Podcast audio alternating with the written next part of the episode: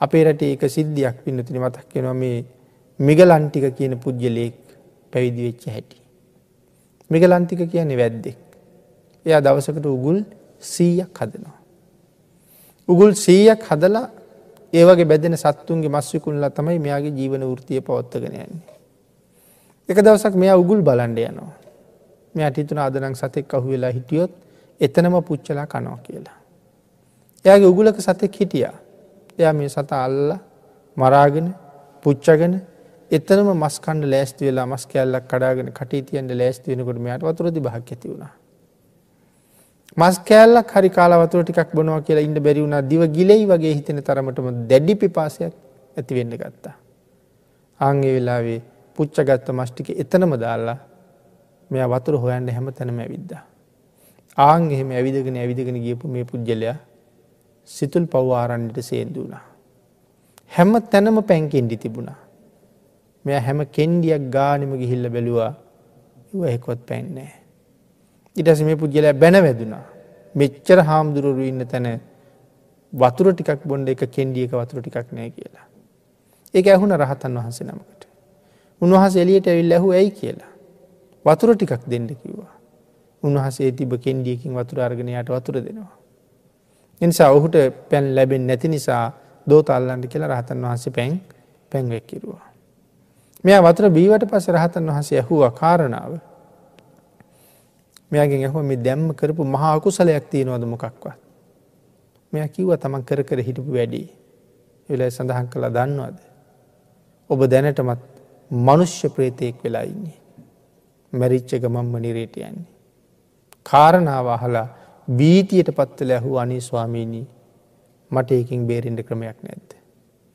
එකම ක්‍රමයක් තියෙනවා කියල සඳහන් කළා මොකක්ද කියලා හපුහම සඳහන් කළේ පැවිදිවෙන්ට කියලා. ස්වාමීන් වහන්සගේ අනුකම්පාවෙන් මිගලන්තික පැවිදි වුණා. හැබැයි පැවිදි වුණාට දවසකට ස්ථාන තුනක වත් කරන්න ඕනේ. ස්ථාන තුනක වත් කරන්න ඕනේ දවසකට. ති මේ තැන්ගොල ඇවිද ඇවිද මේ වත් කරනකොට දවස ඉවරයි වෙහෙස මහන්සිය එක තැනකන මේ තුම් පොලකට ඇවිදින්න ඕනේ. එහෙම ඇවිද ඇවිද වත් කරලා මොහුට වත් කරන්න වඩා කාලයක් නෑ. හරි වෙහෙසයි වෙන භාවනාදී කටයුත්තක දෙන්න හැටියක් නෑ. ඔය අතරේ රාතන් වහන්සේ නමගින් ඇහුව ස්වාමීණී අපායි ගින්දර ටිකක් මට පෙන්න්නට බෙරිත කියලා. එල සඳහන් කළ අපාය ගින් දැල්නම් පෙන්න්නට බෑ. අවශ්‍ය නං අපායෙන් ගෙනපු ගිනි පුපුරක් පෙන්න්නම් කියලා.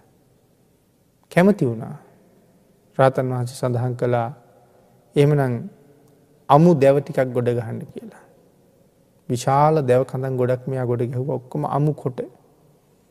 රාතන් වහස මෙයාට කතා කරලකිව එහෙනම් බලාගණ්ඩකු ගිනි පුපුරේ ස්වභාවය උන්වහන්සේ නිරයෙන් ගත්ත එක ගිනි පුපුරක් ගිනි පුපුරු කියහම අපේ අයි දන්නවා අර දර කෑලි දෙකක් ගැටිනකොට ගිනි පුපුරු නැගිලයනවා අපි දන්නවා. ආං ඒවාගේ ගිනි පුපුරක් අරගන්න අර අමු දැව ගොඩ උඩට දැම්ම. ගිනි පුපුර දැව ගොඩ උඩට වැටෙනවත් අමු කඳන් ගොඩ අලු වෙනවත් දෙකම එක පාර එක පාර සිද්ධ වුණා. ඒ සිද්ධිය දැකලා මොහු තවත් බීතියට පත් වනා නිරාගිනි දැල් බෙ තරම්ම සැරයිද කියලා.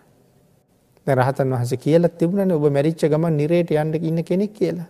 ඒකින් බේරෙන්ටනේ දැන් පැවිදිවුණේ තැන් කල්පනා කලා එහෙනම් මේ වත් කර කර ඉඳලා හරියන්නේමට. ඇරක දස පාන්දර නැගිටනකොට එහා කන්දී භික්‍ෂූන් වහසල පිරිත් කියන වැහෙනවා.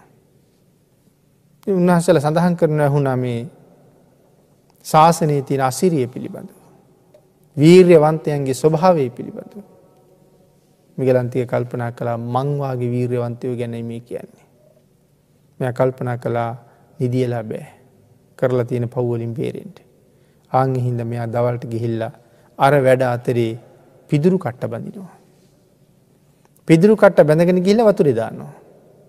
සියලුම වැඩ ඉවර වෙලා හැම තැනම ඇවිදලා හරියට වෙහෙසයි නිදිමතයි ආංගේ වෙලාවට භාවනා කරන්න හරි මහමාරුයි. මෙයා ඒ වෙලාවට කරන්නේ දවල් තිස්සෙම වතුර පෙන්ගිච්ච පිදුරු කට්ටයක් කරගෙන ඔළුව උඩින් තියාගන්නවා. එක පුරාම ඔතර වැැක්කිරිදිය භාවනා කරනයි. සමර්දස්වලට කරවටක් වතුර යනකං ගිහිල්ල භාවනා කරනයි. තරං වීර්යවන්තයි. එහෙම වීරය කරලා වීරිය කරලා සසරින් එතර වෙන්න අවශ්‍ය මග හදාගත්තේ අකුසලයේ විපාකයේ දැක්ක හින්දා. විපාකයේ තරම දැනගත්ත නිසා.